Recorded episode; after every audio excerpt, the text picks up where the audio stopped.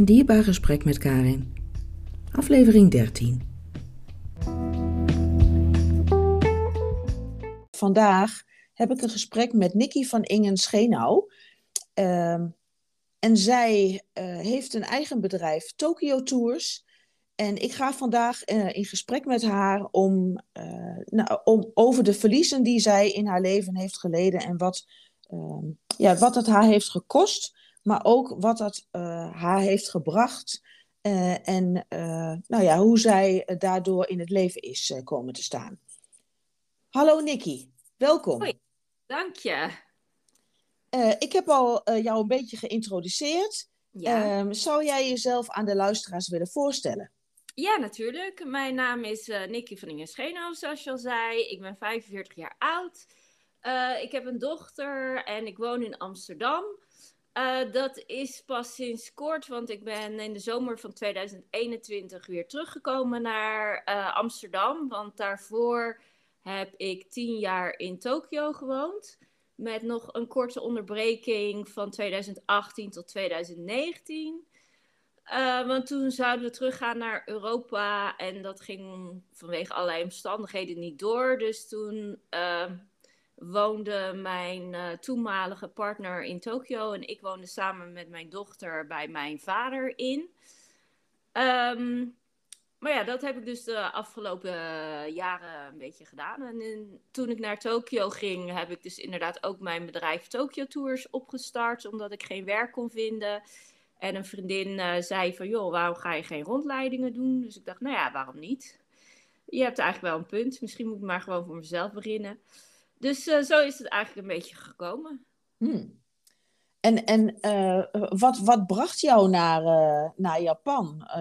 Heb je dat zelf bedacht of was er een andere aanleiding om daarna te verhuizen? nee, dat was vanwege de liefde. Dus ik had in 2008 zo'n beetje een baantje aan de telefoon om mensen te helpen met hun problemen met de wasmachine en dat soort dingen. Bij een witgoedgigant. Mm en uh, ja, eigenlijk was het een beetje onder mijn niveau. Dus meestal binnen een uur dan had ik wel alle brieven en mailtjes beantwoord. En dan als de rest van de dag uh, de telefoon niet zo heel vaak ging, dan had ik eigenlijk niet zoveel te doen. Dus ik zat een beetje op dating sites rond te hangen. En het enige criterium wat ik had was: heeft die persoon iets boeiends, waardoor die mij een uur lang kan vermaken met een verhaal? Dus uh, en ik, ik, kwam een Japanner tegen. Qua uiterlijk was het niet direct mijn type. Maar ik dacht, nou ja, het zal vast wel een heel interessant verhaal hebben. Want wat doet hij in godsnaam in uh, Amsterdam? Um, dus ik dacht, nou ja, laten we maar een keertje gaan lunchen dan. Dat is misschien wel leuk. Dus uh, nou ja, ik heb met hem afgesproken. En op zich hartstikke aardige man en zo. Maar ik had niet direct het idee dat de vonk oversloeg van mijn kant. Maar hij vond mij wel heel erg leuk. En toen dacht ik van, nou ja, ik ben 29, misschien moet ik er ook maar gewoon voor gaan. Want straks is uh, mijn uh, ruimte weg en dan ben ik 40 en dan heb ik nog steeds geen vaste vriend. En dan kan ik geen kinderen meer krijgen, weet ik het allemaal. Dus ik dacht, nou ja, weet je, hij vindt mij leuk, prima, laat ik maar gewoon voor gaan. En uh, na drie maanden zijn we gaan samenwonen in Amsterdam. Ik woonde op dat moment nog in Rotterdam. Maar hij had zoiets van, nou, uh, geen haar op mijn hoofd die daaraan denkt. Ja, kom maar gewoon naar mij. Dus ik dacht, nou ja, oké, prima. Dan kom ik wel naar Amsterdam. Dus mijn huis opgezegd en uh, naar Amsterdam verhuisd. En um, vijf jaar met hem in Amsterdam gewoond. En na vijf jaar zei hij van, joh, weet je, ik ben eigenlijk gewoon hier opgegroeid in Nederland. Want hij was als baby met zijn ouders naar uh, Nederland toegekomen. Want zijn vader die had hier in Amsterdam werk gekregen. Dus hij is altijd gewoon naar Nederlandse scholen gegaan. En gewoon Nederlandse opvoeding gehad in principe. Um, dus hij zei van, joh, hoe zou je dat vinden om twee, drie jaar naar uh, Tokio te gaan? Dus ik had eigenlijk niet zo heel erg uh, over nagedacht en niet zo heel serieus genomen. Dus ik zei van, nou ja, kijk maar of je werk kan vinden. Ik vind het wel prima. Ik ga wel mee. Dus ik ging eigenlijk voor zijn droom, want Tokio was niet uh, per se uh, mijn ding. Maar goed, ik had zoiets van, nou, twee, drie jaar is te overzien. En dan gaan we daarna gewoon weer terug. En dan pak ik mijn werk weer op. En uh, kijken wel of ik daar een baan kan vinden. En zo niet, dan is een gat van twee, drie jaar op zich niet zo heel erg. Um, dus wij zijn naar Tokio gegaan. Of althans, hij is eerst gegaan. Want ik had wel zoiets van, ja, stel nou, hij komt niet door zijn proeftijd heen of zo. En we zitten straks allebei zonder werk, dat lijkt me niet zo handig. Dus laat hem dan maar eerst gaan en uh, zeker maken dat hij dat allemaal oké vindt. En daarna dan kom ik ook wel.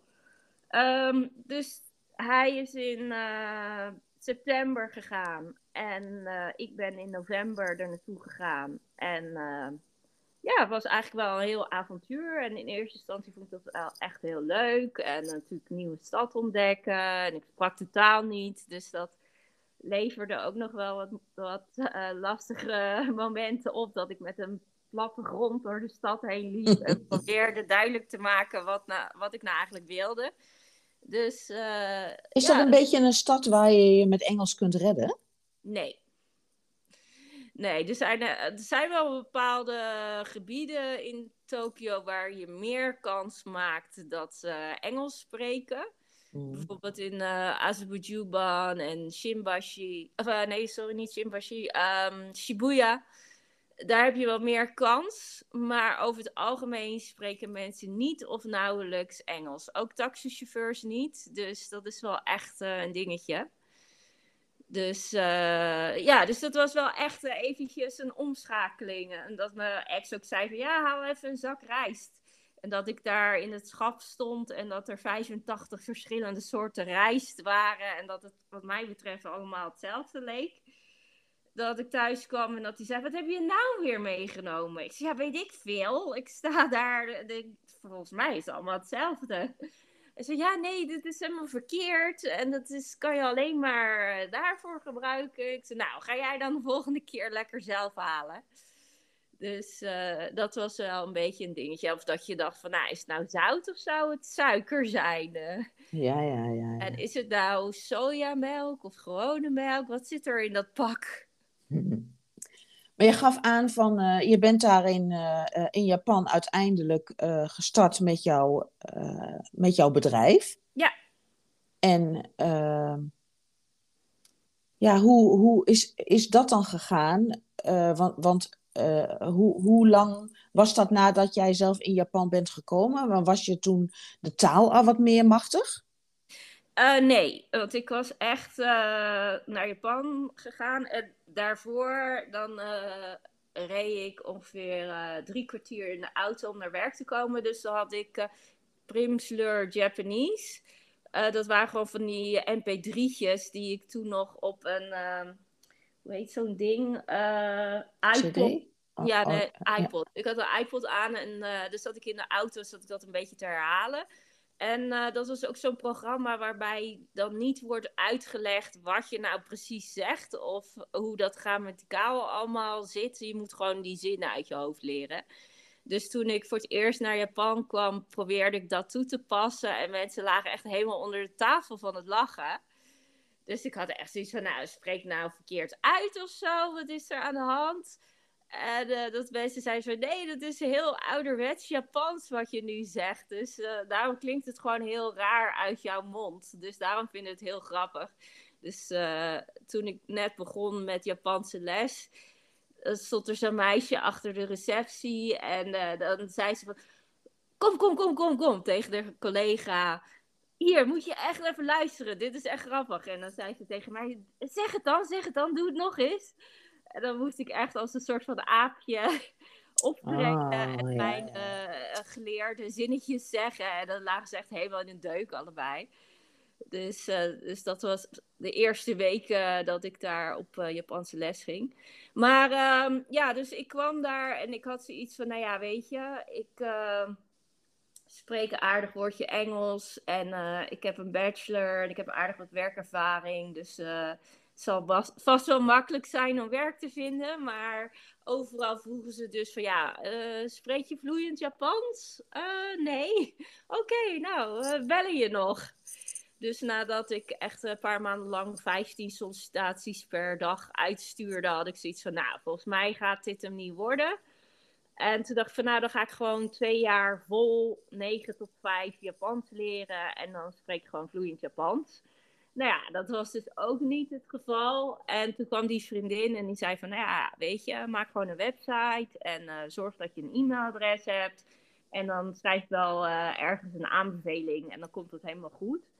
Dus uh, een week later kreeg ik al mijn eerste mailtje van mensen van, joh, leuk dat je toertjes doet in Tokio en we hebben daar wel interesse in, we willen wel rondleiding voor jou. Dus ik viel echt van mijn stoel van verbazing van, oh, nou, daar had ik niet helemaal op gerekend. Ik dacht dat er niks van zou komen. Maar leuk, ja, tuurlijk, kom maar op. En na een half jaar kreeg ik een mailtje van een meisje van... Uh, joh, ik zie dat jij toertjes doet in Tokio. Mag ik voor jou werken? Dat ik dacht oh nee, had ik eigenlijk ook niet echt over nagedacht. Maar ja, waarom niet? Zou wel lekker zijn af en toe dagvrij. Dus toen nam ik de eerste persoon aan om voor mij te werken. En uh, toen in 2014 raakte ik zwanger. Of kreeg ik 2013. Eind 2013 raakte ik zwanger. In 2014 kreeg ik mijn dochter. Dus toen had ik zoiets van, nou ja, misschien moet ik maar wat meer op de achtergrond en meer andere mensen naar voren schuiven. Dus toen ben ik zelf meer uh, inderdaad gewoon planning en dat soort dingen gaan doen. En ben ik meer mensen gaan aannemen om die tours voor mij te doen. En uh, nou ja, nu zitten we op zo'n 50 mensen verspreid over Japan, met name Nederlanders. Uh, en uh, doen we leuke rondleidingen voor Nederlandse toeristen. En dat zijn allemaal Nederlanders die, van, die daarheen verhuisd zijn? Of zijn dat ook Nederlanders die zeg maar weer, weer terug gemigreerd zijn naar Japan? Uh, nou, het zijn met name inderdaad mensen die getrouwd zijn met een Japanner. Dus of, mannen of vrouwen. En die dan uh, een beetje dezelfde soort situatie van, nou ja, moeilijk werk te vinden. Uh, of die gewoon niet zo'n corporate baan willen. Want in Japan kennen ze het hele begrip 9 tot 5 niet. Dus mm. je werkt sowieso maandag tot en met zaterdag. Zaterdag is ook gewoon een kantoordag. Dus dat is wel echt even andere koek. Mm. Dus vandaar dat heel veel mensen het dan wel aantrekkelijk vinden om voor mij te werken. En uh, het zijn ook studenten die bijvoorbeeld een uh, master doen, heel veel vrije tijd hebben, of een PhD aan het doen zijn. En zoiets hebben van, nou ja, weet je, ik ben hier één of twee jaar, kan ik bij jou werken?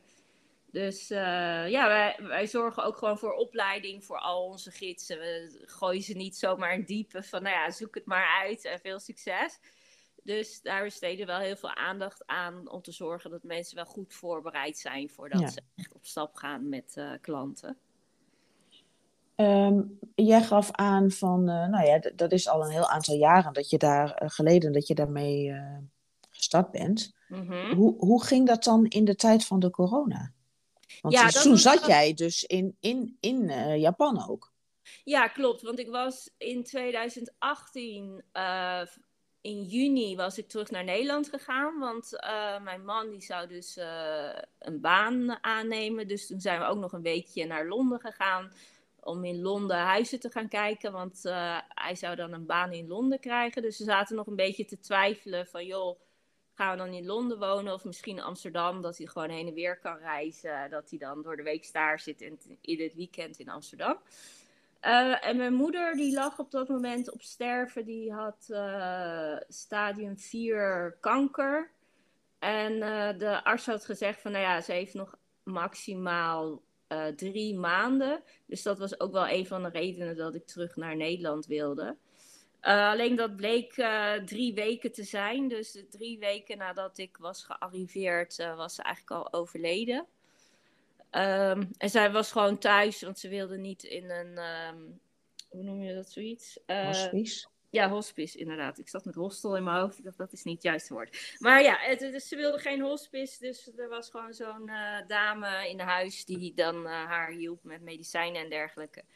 En ja. Wat doet dat dan met je? Dat, dat, dat je, nou ja, eigenlijk je moeder in die laatste eh, nog, nog maar heel kort hebt kunnen uh, zien, zeg maar. Ja, dat was een beetje raar eigenlijk. Want ik ging een beetje in een soort van overlevingsstand. Want mijn vader die uh, zat alleen maar naast mijn moeder de hand vast te houden. Dus die was niet aanspreekbaar. En nou ja, er kwam natuurlijk heel veel visite. Mensen die wilden komen kijken en afscheid nemen en blijven eten en dingen. Dus ik ging in een soort van survival modus van ja, niemand die regelt dat en niemand die stuurt die dokters en al die andere medische mensen aan. Dus misschien moet ik dat dan maar doen. Dus ik was eigenlijk heel erg gefocust op zorgen dat alles blijft draaien. En ik heb eigenlijk helemaal. Mijn moeder heeft met iedereen afscheid genomen, met iedereen gepraat, behalve met mij. Want ik was eigenlijk alleen maar in de weer om dingen te regelen. Dus... Terwijl jij al een, haar eigenlijk al een heel aantal jaar niet zo face-to-face -face had gezien. Nee, nee, dat klopt. Maar ja, ik bedoel, eten komt ook niet automatisch op tafel. Dus ik had zoiets van, ja, iemand moet dat oppakken. Dus laat ik dat dan. Hmm. Dus ja, ik had achteraf wel een beetje spijt van, van, ja, misschien had ik ook gewoon die tijd moeten claimen en nog met haar moeten praten. Dus ik heb daarna, een aantal maanden daarna, nog wel een uh, droom gehad. Dat zij uh, in een soort van blokhut aan een meer zat. En ze zat op een veranda. En uh, ik kan uh, guided dreaming kan ik doen. Dus als ik droom, dan kan ik zelf mijn droom beïnvloeden. Dus ik zag haar zo zitten en ik dacht, oh, dit is eigenlijk wel een uitgelezen moment om even wat vragen te stellen. Dus toen heb ik ook gevraagd van, joh, waar zit je nu? En waar ben je? En hoe voel je je? En wat doe je dan de hele dag zo? En heb je nog spijt van dingen? En heb je nog ergens moeilijk mee? En kun je ook zien wat er hier allemaal gebeurt. Dus uh, toen, dat gaf me op dat moment wel heel veel rust. Dat ik zoiets had van, oh, nou ja, dan heb ik toch nog niet helemaal zoals ik het had voor me gezien, maar toch nog een soort van afsluiting en een gesprek met haar gehad. Um, maar ja, eigenlijk had ik dat gewoon moeten doen op het moment dat ze er gewoon nog was. Maar helaas uh, liep dat anders. Ja, maar blijkbaar ben je ook eigenlijk wel, als ik dat zo hoor, uh, best wel overvallen door de hele situatie op dat moment. Uh, dat, je dat, ja, dat als je dat van tevoren had geweten, had je dat misschien anders aangepakt. Ja, zeker. Nou ja, je gaat ook vanuit van drie maanden. En het, ja. je, dat daar, ondanks dat je ziet dat het gewoon dagelijks slechter met haar gaat en dat ze minder kan, is dat toch heel onwezenlijk. En hou je je daar toch aan vast van ja, maar de dokter zei drie maanden. Dus, ja, ja in ieder geval, uh, eh, s'nachts, toen ze dus echt aan het sterven was, toen heeft uh, die uh, hulp in huis heeft mij en mijn vader wakker gemaakt. Dus toen hebben we haar geknuffeld en haar handen vastgehouden. En tot de laatste adem hebben we haar vastgehouden. Dus dat was in ieder geval nog wel een mooi moment. Alleen ik moet wel zeggen, toen de begrafenisondernemer kwam om haar weg te halen, toen voelde dat wel echt heel vreemd. Van ja, maar dan gaat ze weg en dan is ze helemaal alleen. En daar had ik het wel heel erg moeilijk mee. Dus toen heb ik een uh, foto van mijn dochter erbij gedaan. Dan had ik zoiets van, nou, dan is ze toch nog niet helemaal alleen. Hmm. Uh, maar dat was inderdaad ook nog wel een heel moeilijk moment. Van ja, dus ze is er gewoon de hele tijd en dan is ze er ineens niet meer. En dan staat ja. haar bed in de kamer en dan, ja, gewoon heel onwezenlijk. Dat je elke keer denkt van nou, wanneer komt ze terug? Maar dat komt gewoon niet. Dus dat was wel echt uh, moeilijk. Hmm. Ja, Plus mijn vader, die, die ging natuurlijk helemaal stuk. Dus die, uh, die, die, die, kon gewoon niet meer functioneren. Dus uh, dat was wel echt heel moeilijk om daarmee om te gaan. En ook, nou ja, die laatste weken dat ik er was, hadden mijn ouders ook gewoon heel veel boosheid en frustratie over nou ja, het feit dat mijn moeder gewoon niet meer zou leven en dat ze niet meer beter zou worden. Dus wie was degene die die frustratie over zich heen kreeg, dat was ik natuurlijk. Want ik was hmm. degene die daar in huis was. Dus uh, nou ja, dat was ook niet echt een hele leuke tijd. En mijn ouders waren best wel onredelijk. En uh, hebben ook gewoon hele niet leuke dingen tegen mij gezegd. Maar goed, ik had ook zoiets van, ja, weet je, dat heeft ook geen zin om dan hier nu ruzie over te gaan maken. Dus laat maar. Maar ja, dat komt omdat jij, uh, hè, ze zeggen wel eens, wat zich liep, dat snekt zich. Dat, dat, dat, als je van iemand houdt, dan durf je daarbij ook jezelf te zijn. En uh, juist ook uh, te zeggen ja, wat je dan zo bezighoudt. En kun je tegen diegene ook juist zeggen wat, ja, wat, je, wat je op je leven hebt, zeg maar. En daardoor komen er niet altijd even leuke dingen uit je mond. ja. Ja. Dus gewoon kleine frustraties die dan enorm werden opgeblazen. En uh, waar ik dan de schuld van had. Dat ik echt zoiets had van, uh, sorry. Ja, maar ja, probeer je eens in, hun, in haar situatie te verplaatsen. Hè, hoe zou jij misschien reageren als jij te horen hebt gekregen dat je, uh, ja, dat, dat je niet lang meer te leven hebt? En hoe, hoe kun je dat dan accepteren? Hè? Ik denk dat dat uh, weet je, en nou, en nou praat ik niet eens uit eigen ervaring, maar uh, ik kan me zo voorstellen dat als je dat te horen krijgt, dat het ook gewoon heel erg ingewikkeld is. Ja, ja, ja, dat is het ook. En daarom ben ik, heb ik het ook gewoon naast me neergelegd en ben ik er niet op ingegaan. En had ik zoiets van, nou ja, laat ze maar lekker uitrazen. En uh, ik ga wel een wandelingetje maken en dan probeer hmm aan te denken. Ja. Maar uh, ja, dat was wel echt een hele pittige tijd. Want ik had natuurlijk zelf ook mijn verdriet. Plus dat ik dan van mijn vader en moeder dat er nog bij kreeg. Dus het was best wel eventjes... Uh, en mijn dochter, die liep daar ook nog rond. Ja. Dus die is net voordat, ze ja, uh, voordat mijn moeder is overleden, had zij haar verjaardag. Dus ik had ook zoiets van, ja, nou, dat arme kind, dat moet, daar moeten we ook nog wat mee. Dus toen hebben we zo goed en zo kwaad als het ging, toch nog wel iets van een feestje gedaan voor haar. Um, maar ja, dat was best wel moeilijk om het allemaal uh, voor elkaar te krijgen. Ook wanneer je man gewoon aan de andere kant van de wereld zit. En uh, ja. je verder ook niet echt iemand he hebt die zegt van... joh, Nicky, hoe is het nou met jou eigenlijk? Ja. Wil jij nog even ergens over praten? Ja, ja. ja dat, is, dat is best wel, best wel heel ingewikkeld dan. Ja, zeker. En hoe, hoe vertel je dat dan? Uh, is, is dit verlies, was het een van de eerste verliezen die je meemaakte in je leven? Uh, nee, uh, toen ik acht was, heb ik uh, vier grootouders in één jaar verloren.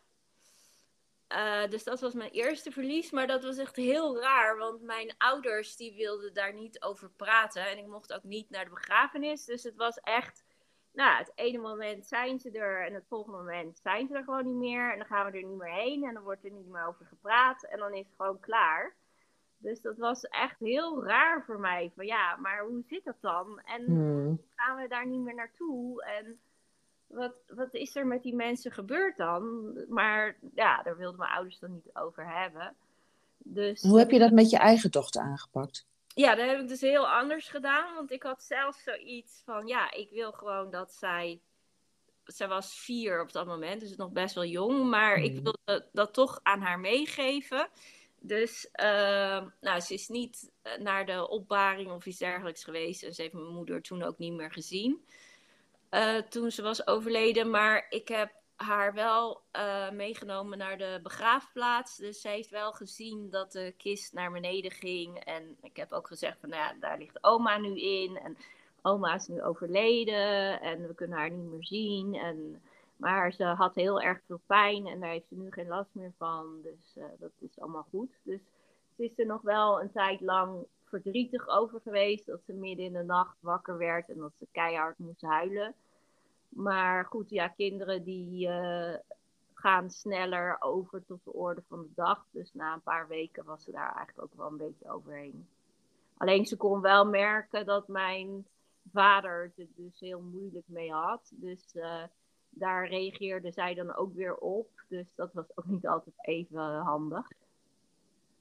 ja, kinderen die zijn gewoon eh, ja, daar heel open in. Hè? En zij, zij zijn primair in hun reacties.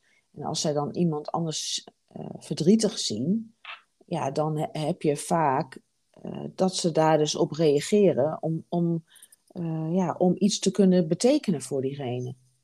Ja, nee, het was meer dat mijn vader heel erg in zichzelf gezonken was en dat hij uh, eigenlijk niet zo heel veel reactie gaf. En dat dat bij haar, denk ik, gewoon heel vreemd overkwam. Van, nou ja, waarom zegt hij helemaal niks? Dus mhm. daar ging dat dan uitlokken om hem een reactie van hem te krijgen. Ja, ja. Nou ja, en dan reageerde hij dan via een woede-uitbarsting naar haar toe. Dat ik echt zoiets had van, uh, laten we even rustig blijven. En uh, begrijp dat het nu moeilijk is en vervelend, maar het is een kind van vier. Dus misschien probeer het een beetje in perspectief te zien. Ja, en hij wist natuurlijk haar uh, gebruiksaanwijzing ook niet zo goed, doordat jullie natuurlijk eigenlijk ook maar uh, al nog maar net een paar weken in Nederland waren. Ja, daarom, daarom. Dus, en hij zat natuurlijk heel erg met zijn verdriet en zijn frustratie en zijn boosheid. En uh, nou ja, dus hij heeft in die eerste periode daar ook wel echt gewoon heel veel moeite mee gehad. Van ja, wat moet ik nu aan met mezelf? En uh, dat was zeg maar leidingsweg van vier jaar dat mijn moeder voor het eerst ziek werd. En in eerste instantie was ze er dan wel bovenop gekomen. En daarna toch weer opnieuw ziek geworden. Dus uh, ja, mijn vader is daar toen gewoon heel intensief mee bezig geweest. En heeft zich eigenlijk niet zo heel erg nagedacht over hoe het zou zijn als ze er niet meer was. Hmm. Dus hij werd gewoon echt heel erg overvallen door wat hij meemaakte. Van ja, dus ik had hier eigenlijk helemaal niet bij stilgestaan. Ze is er nu ineens niet meer. En wat moet ik nou met mezelf? En heb ik überhaupt nog wel reden om door te gaan? Dat soort dingen. Dus dat was best wel uh, voor hem ook wel heel moeilijk natuurlijk. Hoe, was je, hoe oud was je vader toen? Uh, mijn vader die was uh, eh, 79 toen hm. moeder overleed. Ja, maar ja, dat is ook een leeftijd. Ja, als, als je, dan ben je dus al heel lang samen. Ja, ja want ze, ze, mijn moeder... Tenminste, daar ga ik even vanuit, maar... Ja, mijn moeder die was 19, dus uh, haar ouders die stonden ook niet achter dat huwelijk. Dus ze heeft toen nog toestemming van de koningin moeten aanvragen om uh, te mogen trouwen. Mijn vader die was uh, een paar jaar ouder dan haar. dus die waren al meer dan 50 jaar bij elkaar. Ja. Dus het was wel echt een enorme schok voor hem om haar dan niet meer om zich heen te hebben. En hij is qua karakter ook echt enorm veranderd. Want hij was altijd heel rustig en heel vriendelijk. En zag overal de humor voor in en maakte zich niet zo snel druk. En nadat zij overleed, werd hij echt een hele Norse man. Heel erg in zichzelf gericht. En uh, ja, totaal niet open naar anderen. Dus continu viel hij ook uh, op de meest gekke momenten tijdens een gesprek in slaap. En uh, hij zag het ook gewoon helemaal niet meer zitten. Totaal depressief. Dus, uh, ja, dus Eigenlijk is het wel heel zielig. Ja, ja, ja, zeker. Maar goed, op het moment dat je daar dan dagelijks mee wordt geconfronteerd, ja. dat is best wel pittig. Zeker als je ook nog een kind hebt waar je voor moet zorgen. En je eigen verdriet. Ja, dat ook. Dus dat moest ik ook nog een plekje geven. Dus ik kon ook helemaal niet met hem over praten, want dat wilde die sowieso ook niet. Dus het is ook een hele andere generatie, hè? Ja, zeker. Dus ik probeerde zo goed en zo kwaad als het ging dan wel hem weer een beetje op de been te krijgen. Want als ik alleen al even een boodschapje ging doen, dan kreeg hij al een paniekaanval. Dus hij wilde echt niet dat ik uit huis ging. Dus op een gegeven moment heb ik ook tegen hem gezegd van ja ik begrijp dat het moeilijk voor jou is, maar voor mijn eigen gemoedstoestand moet ik gewoon ook af en toe even met iemand anders zijn. Want het spijt me, maar ik word soms echt helemaal gek voor je. Dus uh, ik moet af en toe ook eventjes uh, decompressen, om het zo maar eens te zeggen. Want anders dan wordt het er niet heel veel gezelliger op. Dus hmm. Nou ja, gelukkig kon hij dat op een gegeven moment wel uh, accepteren. En konden we wel daar een weg in vinden. Ja, maar dat heeft ook, dat heeft ook gewoon tijd nodig. Hè? Als je uh, al, al bij leven hoort dat iemand uh, komt te overlijden, Ja. dan, dan he- heb je al eh, dat je weet hè, dat je, dat je een, een, een, een keer afscheid van iemand moet eh, gaan nemen. En dat duurt natuurlijk een aantal jaren. Dus dan ben je, ja, ben je, ben je eigenlijk bezig met levend verlies. Hè? Afscheid nemen bij iemand eh, tijdens het leven. Terwijl je dat eigenlijk natuurlijk ook nog helemaal niet wil. En, nee, eh, ja. op de een of andere manier weet je dat dan toch weer voor jezelf goed te praten. Van, Ja. eh, nou ja, het, het gaat nog niet gebeuren. Of misschien kan het toch nog beter worden. Of weet je, dus je wil het ook niet accepteren en je wil het ook niet weten. En dan op het moment dat het gebeurt, dan voel je je toch een soort van verraden en eh, Hmm. Overvallen. Terwijl je er eigenlijk al jaren tegenaan zit te hikken. Ja. En hoe was dat dan voor jou om, om te weten, terwijl je in Japan zat, dat je moeder zo ziek was? Nou ja, ik had ook niet. Want je hebt natuurlijk sowieso eh, tijdsverschil. En de eerste keer dat mijn vader belde, toen wist ik überhaupt niet dat ze ziek was. En toen was het gelijk, ja, ik moet je wat vertellen. Je moeder gaat overlijden. Dat ik echt zoiets van, sorry. Zo uit het niks van, hoi, hoe gaat het? Oh, trouwens, eh, dit.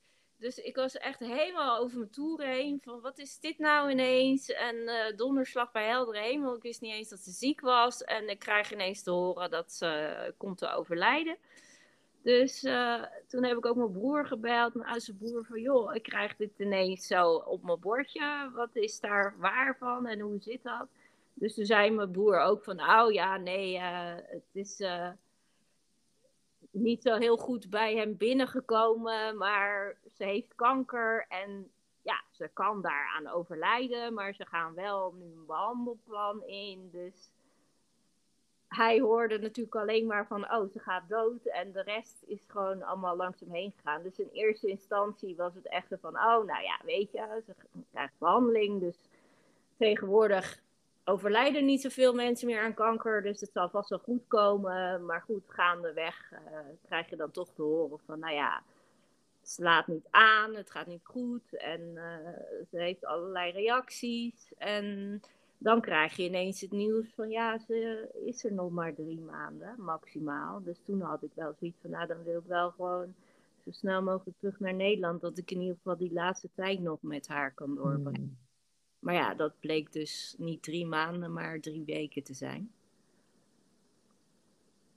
Ja. Heftig. Ja, ja, dat was wel echt. Uh, en ook dat je er gewoon per week van het ene moment zit ze nog gewoon in een rolstoel en kan ze nog overal bij zijn en kan ze nog, voor zover het gaat, nog wel genieten van dingen. En even later ligt ze in bed en moet er een morfinepomp worden aangesloten en uh, is ze ineens niet meer aanspreekbaar. Ja. Dus, en zeker op het einde, toen kreeg ze dus ook vocht in haar longen. Dus je hoorde haar gewoon een soort van verdrinken elke keer dat ze probeerde om adem te halen.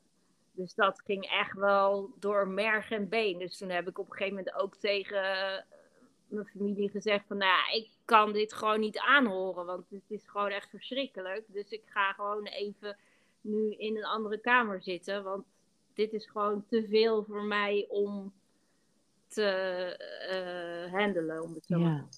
ja.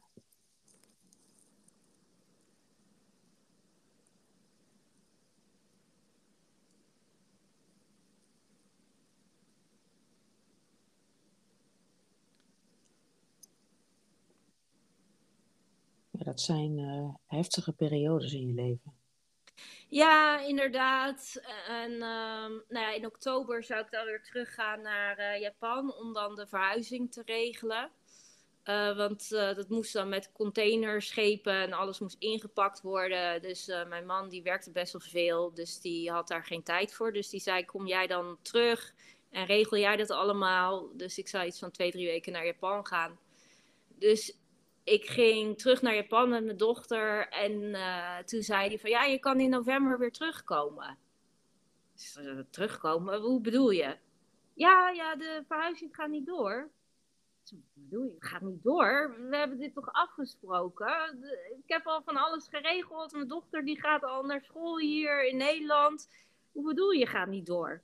Dus van ja, ik ben een beetje stom geweest en ik heb iemand aangenomen en die blijkt niet geschikt en daar kunnen we nu niet zomaar van af. En ik heb geen budget om weer iemand anders aan te nemen, dus ik kan niet weg. Dus kom maar gewoon weer terug.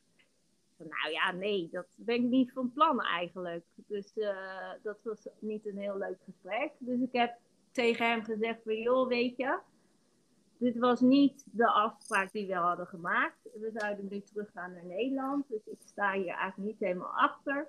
Maar goed, uh, als het niet anders kan, dan wil ik wel terugkomen naar Japan. Maar dan wel dat ik in ieder geval dit jaar nog in Nederland kan zijn. Want mijn vader die is gewoon helemaal in de lappenmand. En die wil ik gewoon weer een beetje zijn leven op de rit zetten. Dat hij gewoon alleen door kan gaan. En ik kan ook mijn dochter niet zomaar van school afhalen en dan maar in Japan weer ergens in school uh, zetten. Dus dat vereist ook de nodige voorbereiding. Want uh, ze ging altijd naar uh, internationale scholen. Dus ik had ook tegen hem gezegd van ja, als je wil dat ze naar een Japanse school gaat, vind ik prima. Maar dan trek ik mijn handen ervan af en dan regel jij alles. Want ik weet al hoe ze zijn bij die scholen. En het is allemaal gezeur en het moet allemaal precies zoals zij het willen. En als ik dan net even iets verkeerd heb gelezen of niet goed begrijp, dan ben ik degene die het heeft gedaan. Dus als je dat wil, dan mag jij alles regelen en anders gaat ze naar internationale school. Dus toen zei hij van, nou ja, oké, dan regelen we internationale school.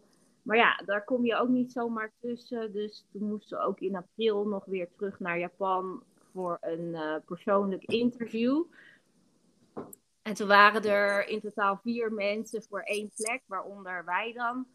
En uh, uiteindelijk is die plek dan wel naar mijn dochter gegaan. Dus dat was gelukkig nog wel uh, fijn dat dat geregeld kon worden. Maar uh, goed, ja, dus je gaat terug naar Japan met het idee van ik ga zorgen dat er containerschepen komen en dat ik al mijn spullen naar Nederland verhuis. En dan krijg je ineens te horen van, oh ja, nee, het gaat toch niet door. En ja, uh, kom maar weer terug. Dus dat was ook best wel even heftig. En toen heb ik ook met mijn ex over gehad van ja, weet je, wat gaan we dat jaar dan doen? Uh, wil je scheiden of wil je nog wel bij elkaar blijven? Of wil je een open relatie voor een jaar? Ik kan me zo voorstellen dat er misschien wat gebeurt als je een jaar niet samen bent kunnen we daar afspraken over maken? En hij was best wel, hij reageerde daar best wel heftig op en zei van, joh, weet je, als ik erachter kom dat jij vreemd gaat, dan uh, ga ik gelijk van je scheiden. Ik wil op zich nog wel getrouwd blijven en kom dan maar gewoon terug na een jaar. Zo, nou ja, oké, prima. Ik blijf wel trouw aan jou. Ik heb genoeg aan mijn hoofd met mijn dochter en mijn vader. Dus uh, ik bedoel, ik hoef ook niet per se te daten. Zeker op het moment dat het toch duidelijk is dat ik terug ga naar Japan, heeft toch geen zin. Dus, uh, nou ja, ik heb me daar gewoon aan gehouden. En uh, uiteraard konden we voor dat jaar niet even snel een woning regelen, want we hadden natuurlijk ook de woning in Tokio nog. Dus ik sliep uh, in een heel klein kamertje in een eenpersoonsbed samen met mijn dochter. En het idee was dat we dus in Amsterdam zouden gaan wonen. Dus ze ging in Amstelveen naar school. Dus ik moest elke dag van Leiderdorp naar Amstelveen heen en weer rijden om haar te brengen en te halen. Dus dat was ook nog wel een dingetje. Maar goed. Uh... Uiteindelijk ben je dus uh, uh, teruggegaan naar Japan. Ja. Ehm, en en we hebben al een voorgesprek gehad voordat we deze podcast hebben opgenomen. Mm -hmm. Is, is, is jouw vader overleden in die tijd dat jij in Japan zat? Nee. Nee, ik. Uh, uh, ja, hij is wel overleden toen ik in Japan zat, maar niet in die drie weken dat ik terugging om zogenaamd die verhuizing te regelen. Dus dat was nog oké. Dus toen kwam ik na drie weken terug. En in plaats van dat ik die containerschepen ging regelen, ben ik als een gek allerlei internationale scholen afgegaan om te kijken welke school dan het beste bij mijn dochter zou passen. Uh, dus toen ben ik dat jaar ben ik in Nederland geweest, heb ik voor mijn vader gezorgd en geprobeerd om, uh, hij heeft therapie gedaan, uh, om te zorgen dat hij weer zou kunnen functioneren. En toen in augustus zou ik dus teruggaan naar Japan. En op de luchthaven, toen zei hij dus, dit is de laatste keer dat ik je zie. En toen zei van, nou, doe niet zo melodramatisch. Ik ben, uh, in december ben ik gewoon weer een maand in Nederland. En dan zie ik je weer. En dan gaan we gezellig, Sinterklaas, kerst, oud en nieuw. En dat wordt hartstikke leuk. En uh, daar kunnen we gewoon naar uitleven. En ik ga je gewoon bellen en appen. En we houden gewoon contact. Toen zei hij, nee, nee, nee, dit is echt, dit is de laatste keer dat ik je zie. Dus toen zei ik ook tegen hem van, nou ja, weet je, als je zo wil doen, prima. Maar ik vind het niet leuk dat op het moment dat ik probeer afscheid van je te nemen, dat je dan zo gaat doen. Maar goed, ik ging terug naar Tokio. En uh, ineens in oktober krijg ik een berichtje van mijn broer van, ja, het gaat heel slecht met je vader. En hij is opgenomen in het ziekenhuis, dus je moet wel terugkomen, want ik weet niet of hij het gaat redden. Dus toen zat ik nog een beetje te dubben van ja, nou, weet je, misschien houdt hij nog wel uit tot december, want het was oktober.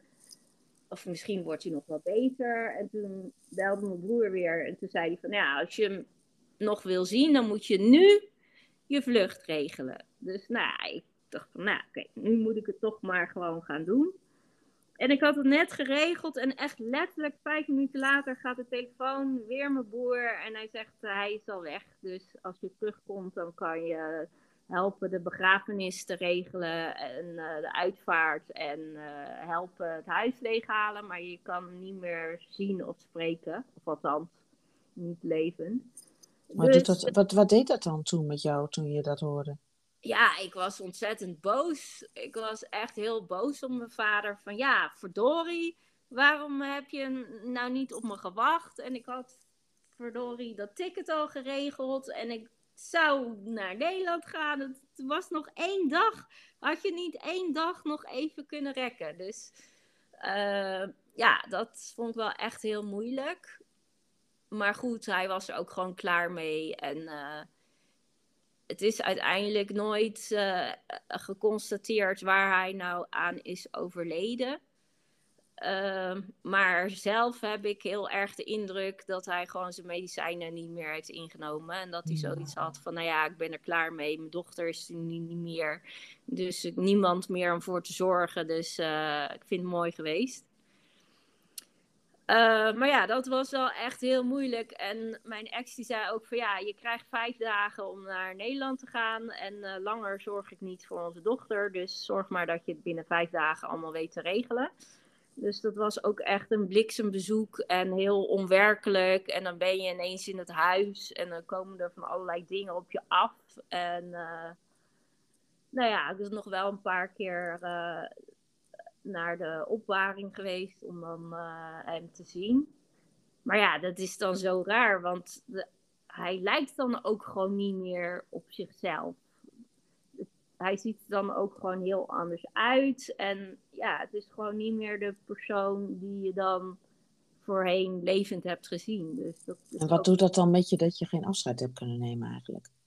Nou ja, daar heb ik dus best wel een tijd moeilijk mee gehad. En uh, best wel ook depressief over geweest. Uh, maar ja, op een gegeven moment, toen was ik dus na die week weer teruggegaan naar Nederland. Toen heb ik ook expres tegen mijn uh, man gezegd van... joh, we waren eigenlijk van plan om naar Nederland te gaan... om kerst in Nederland door te brengen. Maar ik vind het gewoon te veel op dit moment. En ik wil echt absoluut niet terug naar Nederland.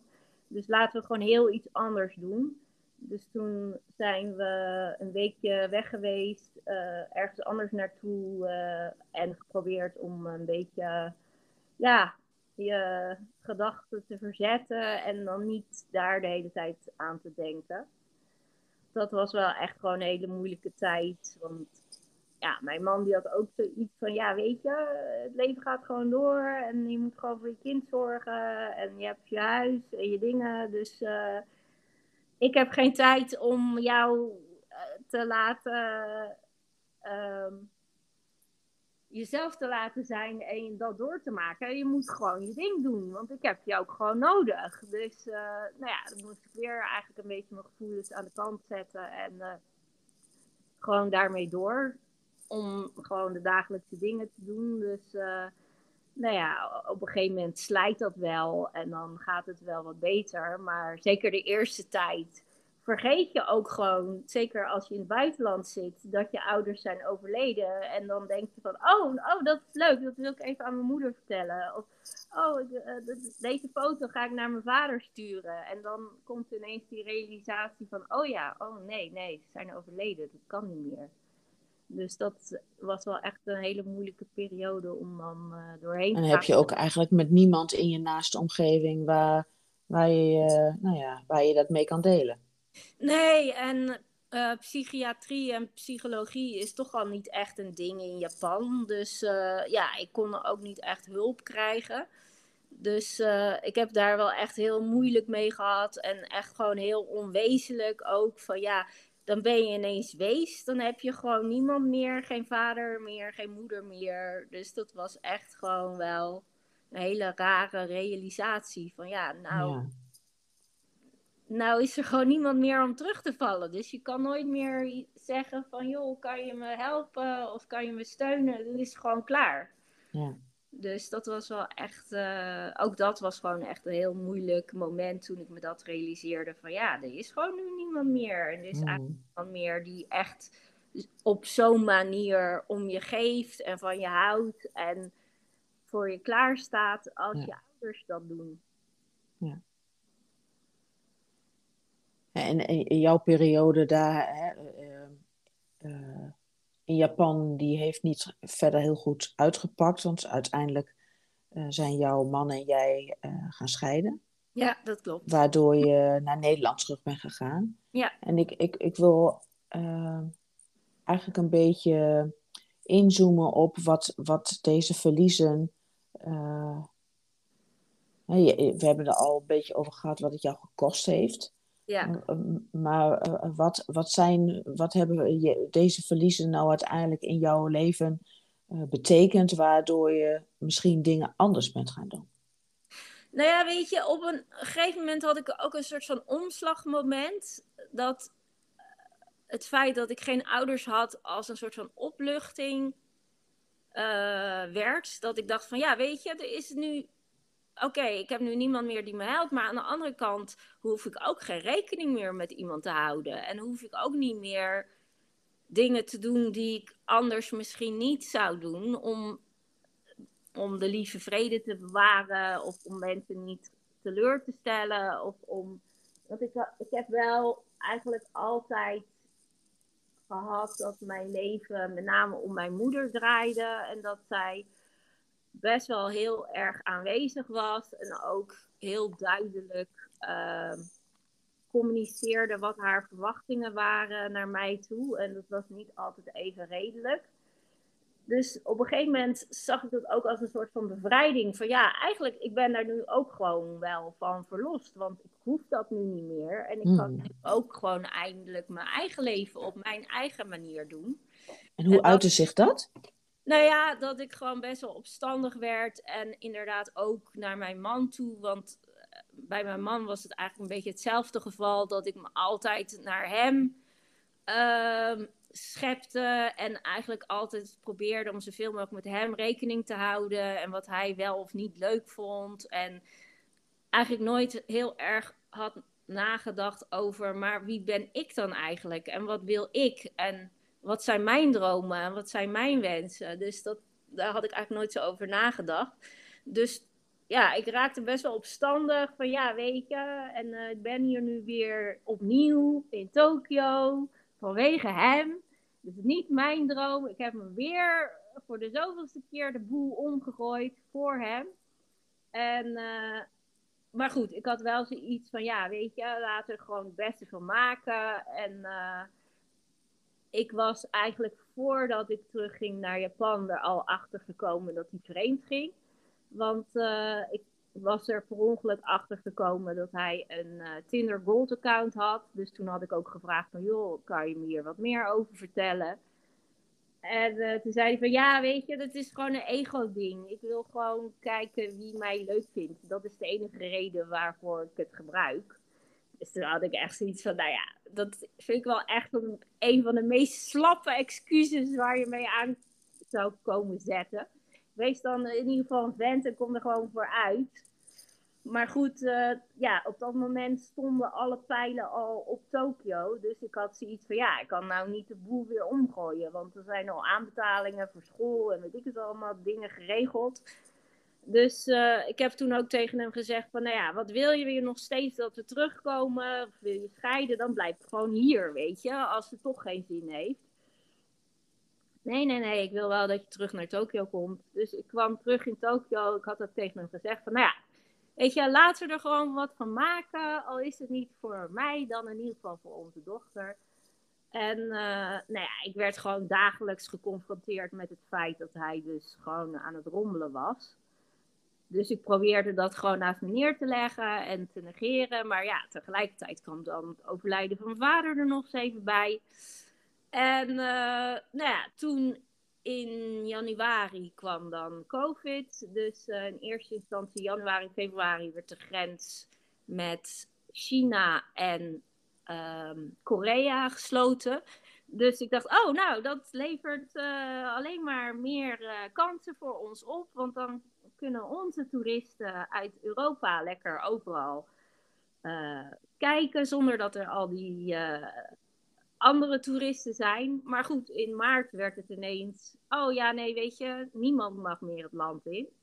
Dus toen regende het ineens um, um, afzeggingen van mensen die zeiden: ja, ja, nee, we kunnen niet komen. Dus uh, het zou het beste jaar ooit worden vanwege de Olympische Spelen. En ineens werd het het slechtste jaar ooit.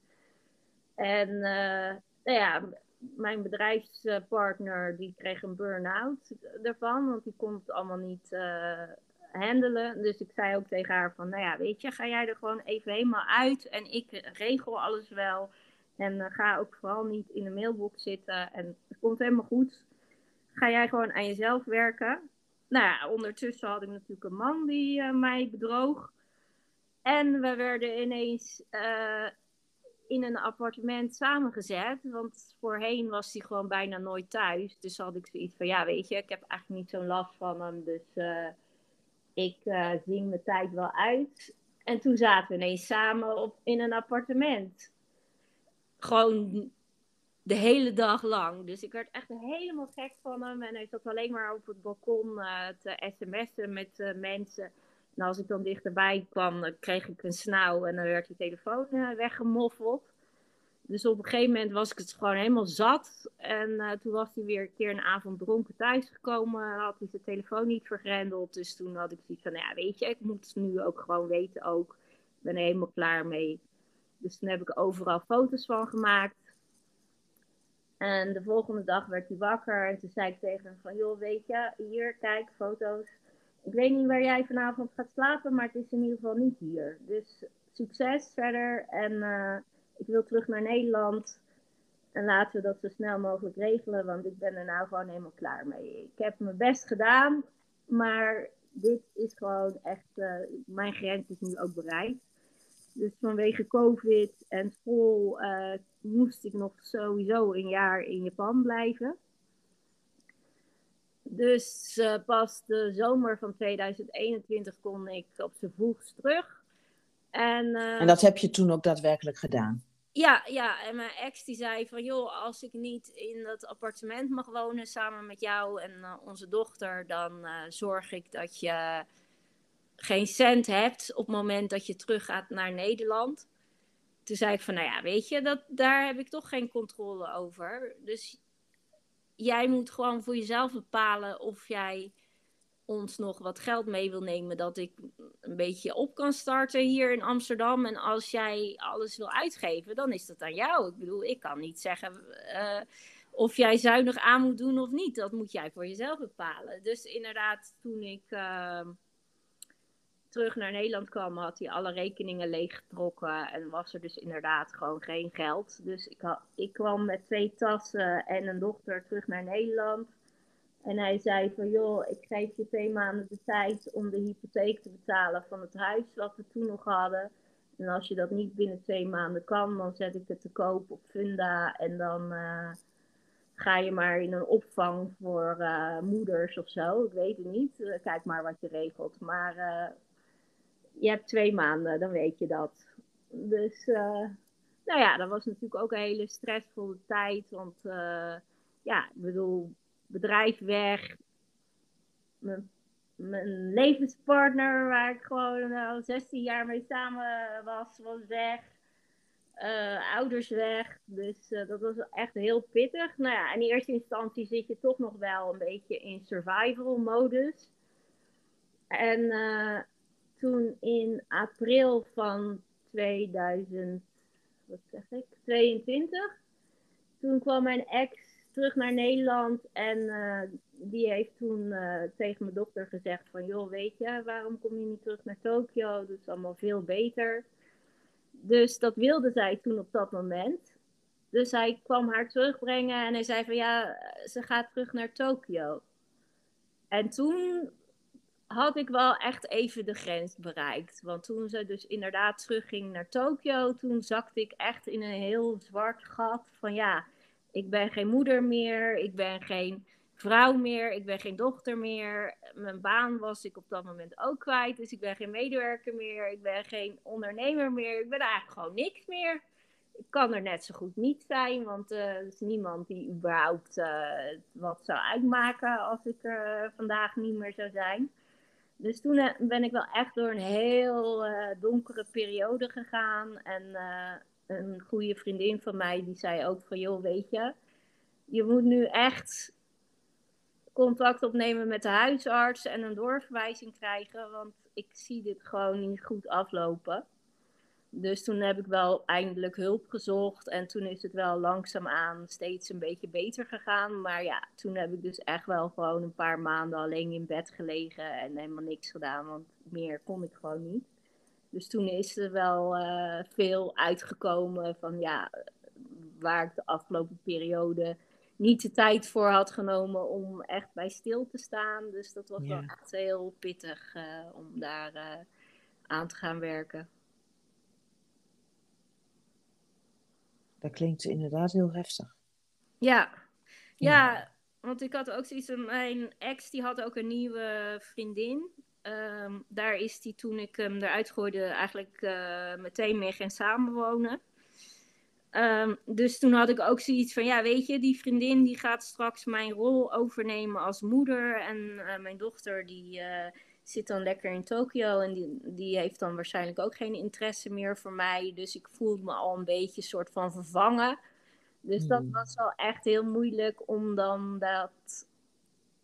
Om inderdaad dan naar van binnen te kijken van ja, maar wie is dan eigenlijk Nicky? En wat zou dan mijn bestaansrecht zijn? En wat vind ik überhaupt leuk? En waar kan ik dan genoegdoening uithalen? En in eerste instantie was het antwoord ja, niks. Dus dat heeft echt wel een hele tijd geduurd voordat ik eindelijk kon bedenken van ja, weet je, wat wil ik dan eigenlijk? En wat, wat kan ik, hoe kan ik zorgen dat ik wel gewoon gemotiveerd blijf en iets heb om naar uit te kijken en voor te werken en iets voor te doen. Want eigenlijk mijn hele leven, eerst was het mijn moeder, daarna was het mijn ex en daarna was het mijn dochter, waarvoor ik eigenlijk alles deed en eigenlijk nooit zozeer nagedacht van ja, maar wat wil ik dan eigenlijk? Dus uh, nou ja, stukje bij beetje probeer ik daar nu aan te werken en ik wil nog zeker niet zeggen dat ik er ben, maar het gaat in ieder geval wel een stuk beter nu. Dan. Ja, maar jouw dochter woont dus nog steeds in Tokio. Ja, ja, ze woont nu nog steeds in Tokio en ze zegt wel steeds tegen mij dat ze eigenlijk liever terug wil naar Amsterdam. Want ja, het was eigenlijk ook niet echt een ideale situatie, want ze was natuurlijk nog de scheiding aan het verwerken. En ze had zoiets van, ja, als ik terug ga naar Tokio, dan vallen alle stukjes weer op zijn plaats. En dan krijg ik dat gevoel wat ik had voordat ik naar Nederland ging, krijg ik weer terug. En toen had ik wel zoiets van, ja, ik kan nou twee dingen doen. Ik kan hiervoor gaan liggen en zeggen van, ja, dat is niet zo. En haar dat uh, uh, verbieden. Of Hmm. ik kan het haar gewoon laten ervaren. En gewoon uh, zeggen van, joh, maar kijken. En op het moment dat je denkt, nou, het is er toch niet, dat je dan gewoon terug kan komen. En ik heb dus inderdaad voor het laatste gekozen. Ik heb haar laten gaan. Ik heb gezegd van, Mijn hart en mijn huis staan altijd voor je open. Ik hou van je. Er is niks wat je kan doen waardoor ik niet meer van je ga houden. En eh, ik ben haar elke dag gaan bellen. Ook wel regelmatig dat ze zei: Ik wil niet met je praten. En dan heb ik ook tegen haar gezegd: van, Nou ja, weet je, dat accepteer en respecteer ik. Ik begrijp dat tegen mij nee zeggen is het enige waar jij nu uh, controle over hebt. Dus ik Hmm. begrijp dat dat voor jou uh, soms fijner is om tegen mij nee te zeggen. En dat ga ik jou niet kwalijk nemen.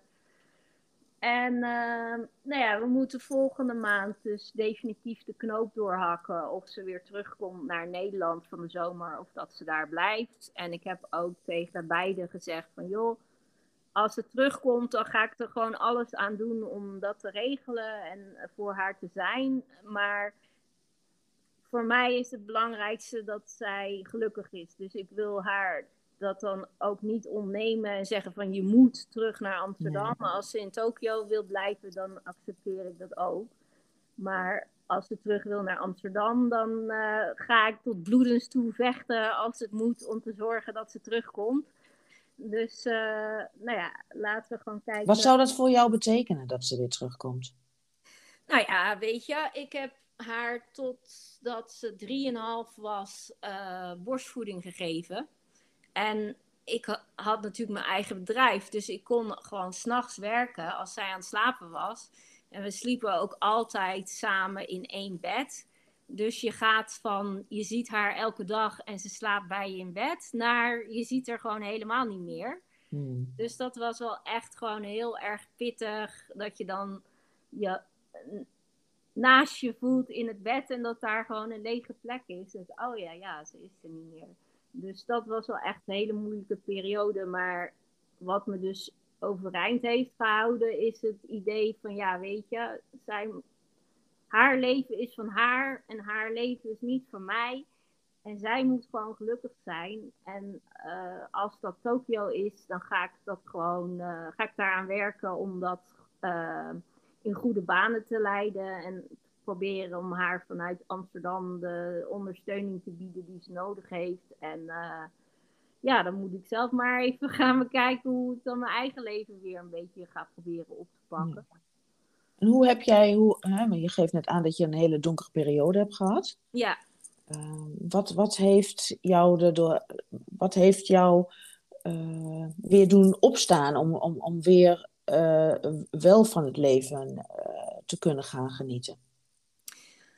Um, ja, het grappige is, uh, ik zat op Facebook te kijken en uh, er kwam een oproep voorbij van een dame en die zei van uh, ik kom naar Amsterdam, ik heb werk gevonden en ik heb woonruimte nodig.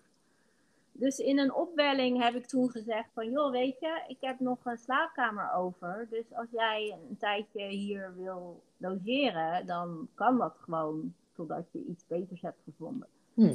Dus uh, zij is toen echt uh, twee dagen later uh, hier naar Amsterdam gekomen met haar koffers.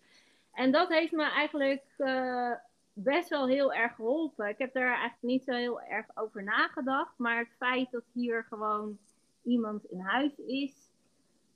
Waar je gewoon even je verhaal aan kwijt kan. Van joh, zo was mijn dag. En hoe was jouw dag? En wat, wat houdt je bezig? En ook dat ik met haar kon praten over wat de afgelopen tijd allemaal was gebeurd. En zij had ook nog wel het nodige meegemaakt vanwege corona. En uh, zij had ook een tijd in het buitenland gewoond. Dus er waren wel best wel wat overlap dingen waarvan zij zei van ja, nou dat was voor mij ook heel moeilijk. Dus dat heeft me toen wel echt heel erg geholpen. Dat je ook gewoon je huis in orde moet houden. En netjes en schoon. Mm, yeah. Anders. Dus Structuur. Dat, ja, een beetje stok achter de deur. Van ja, weet je. Uh, gewoon dagelijks iemand waar je dan een hapje mee kan eten. Gezellig een borreltje mee kan doen. Of even mee kan kletsen. Dus uh, ja, dat was eigenlijk uh, achteraf gezien wel echt een hele goede beslissing. En. Ja, je weet natuurlijk nooit hoe zoiets uitvalt. Want voor hetzelfde geld, zij kwam vanuit het buitenland gelijk hier met haar koffer klaar. Dus we hebben ook Ja. elkaar niet gebeld of gesproken. Maar gelukkig eh, pakte dat heel goed uit en hadden we een hele goede klik samen. En eh, zij heeft me ook wel gewoon adviezen gegeven van, joh, weet je, misschien moet je het ook gewoon niet te veel nadenken over de toekomst en gewoon per dag bekijken en uh, je proberen vast te houden aan de positieve dingen en uh, alles waar je geen, op dat moment geen houvast op hebt of niet kan beïnvloeden, gewoon eventjes opzij leggen. Ja. En gewoon even concentreren op wat je wel kan. En dat heeft dus je hebt meer geleerd om in het nu te leven. Ja, ja, inderdaad. Dat, het heeft geen zin om continu te piekeren over dingen waar je toch uh, niks aan kan veranderen. Dus uh, probeer gewoon het beste ervan te maken. En op een gegeven moment had ik ook zo'n realisatiemoment van, ja, weet je, als je verdrietig bent, dan heb je eigenlijk alleen jezelf daar maar mee. Want natuurlijk zijn er wel mensen in je omgeving die tot een bepaald niveau met je meeleven en het rot vinden voor je. Maar in feite heb je er alleen jezelf mee. Want jij hebt die gevoelens en andere mensen voelen niet hoe jij je voelt. Dus toen dacht ik van ja, misschien moet ik dan ook gewoon maar niet verdrietig zijn. Want dat levert eigenlijk gewoon helemaal niks op. En misschien moet ik maar gewoon dan verder gaan en kijken wat ik wel kan dat heeft me wel. Ja, of, of soms met andere delen, hè? doordat je opener bent over hoe jij je voelt, kan een ander jou ook beter helpen uh, in, in, met wat jij op dat moment doormaakt. Nou ja, ik moet wel zeggen dat heel veel mensen in mijn omgeving waar ik dan probeerde mee te praten, dat die eigenlijk niet echt goed begrepen waar ik doorheen ging. En zoiets hadden van, joh, stel je niet zo aan. En eh, het is allemaal niet zo erg. Dat ik echt zoiets had van, je hebt echt totaal geen idee hoe ik me nu... Nee.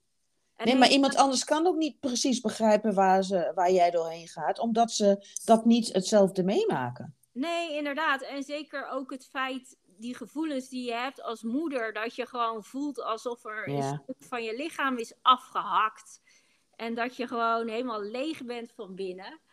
Dat mensen echt zoiets hadden van, ja, maar je, je belt er toch gewoon? Wat is het probleem? Nou ja, zo voelt het niet. Het voelt Ze zit aan de andere kant van de wereld. Ja. Ja. Dus dat, dat intense gevoel van alleen zijn en verlaten te zijn en niemand meer te hebben, dat was wel echt heel erg overweldigend. Ja. En ik ook, ik ga niet zeggen ik begrijp het, want dat gevoel, dat ken ik zelf ook niet. Dus uh, ja. ja. Maar goed, aan de andere kant heb ik nu ook wel zoiets van. Het heeft me wel echt een stuk sterker gemaakt. Al die ervaringen die ik de laatste jaren heb meegemaakt. Ik heb wel een tijdje ook gehad van. Nou, wanneer houdt het eindelijk eens een keer op? Want het voelt hmm. wel alsof ik sinds 2018 alleen maar aan het vechten ben. En wanneer kan ik nou eindelijk eens een keer dat moment van. Hè, hè ja. Maar dat, uh, dat zit er nog niet helemaal in, want loopt nog steeds niet helemaal zoals ik dat zou willen. Maar goed, uh, ja, ik kan nu wel wat makkelijker relativeren en gewoon meer genieten van de dingen die wel goed gaan en die wel leuk zijn en me daar gewoon uh, aan vasthouden. Dus dat helpt in ieder geval wel. Nou, gelukkig. Wil jij nog iets met ons delen wat ik nog niet aan jou gevraagd heb? Of uh, want anders dan gaan wij naar een afronding van, uh, ja. van dit gesprek. Ja, nou ja, inderdaad. Uh, als je dus dit soort dingen meemaakt, dan probeer mensen in je omgeving naar je toe te trekken in plaats van van je af te stoten. En probeer zoveel mogelijk uh, steun te krijgen bij mensen waarvan je denkt dat je die daarmee kan vertrouwen. En uh, ja, dat is eigenlijk ook wat uh, mij er doorheen heeft gesleept. Dus dat heeft me wel echt heel erg geholpen. Dat het niet zozeer je familie hoeft te zijn, maar gewoon mensen die jou dierbaar zijn. Die moet je naar je toe trekken. En mensen waar je uh, inderdaad het idee van krijgt dat het geen zin heeft om daar energie in te steken, laat die dan ook gewoon lekker, weet je. Geef je energie aan mensen waar je wat van krijgt. En waar je niks van krijgt, dan weet je, laat maar gewoon lekker gaan en concentreer je op jezelf. Dat is al meer dan genoeg. Nou, Dat vind ik mooi om mee af te sluiten, Nicky. Dank je. Uh, dank je wel voor dit uh, prachtige gesprek. Graag gedaan. En uh, ik, uh, al jouw contactgegevens, die ga ik straks onder deze podcast vermelden, zodat de mensen ook weten hoe ze jou kunnen vinden. Hè, mochten zij naar Japan gaan en een tour willen boeken, hoe ze jou dan kunnen bereiken, of een, of een van jouw medewerkers. En uh, ik wil je hartelijk danken uh, voor dit gesprek. Ja, graag gedaan. Ik uh, vond het heel fijn om met je te mogen praten. Ja, nou dank je wel. En succes nog met de podcast. Ja, dank je.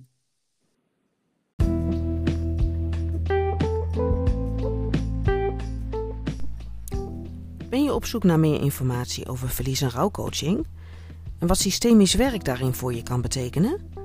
Kijk dan eens op mijn website www.karinhafkamp.nl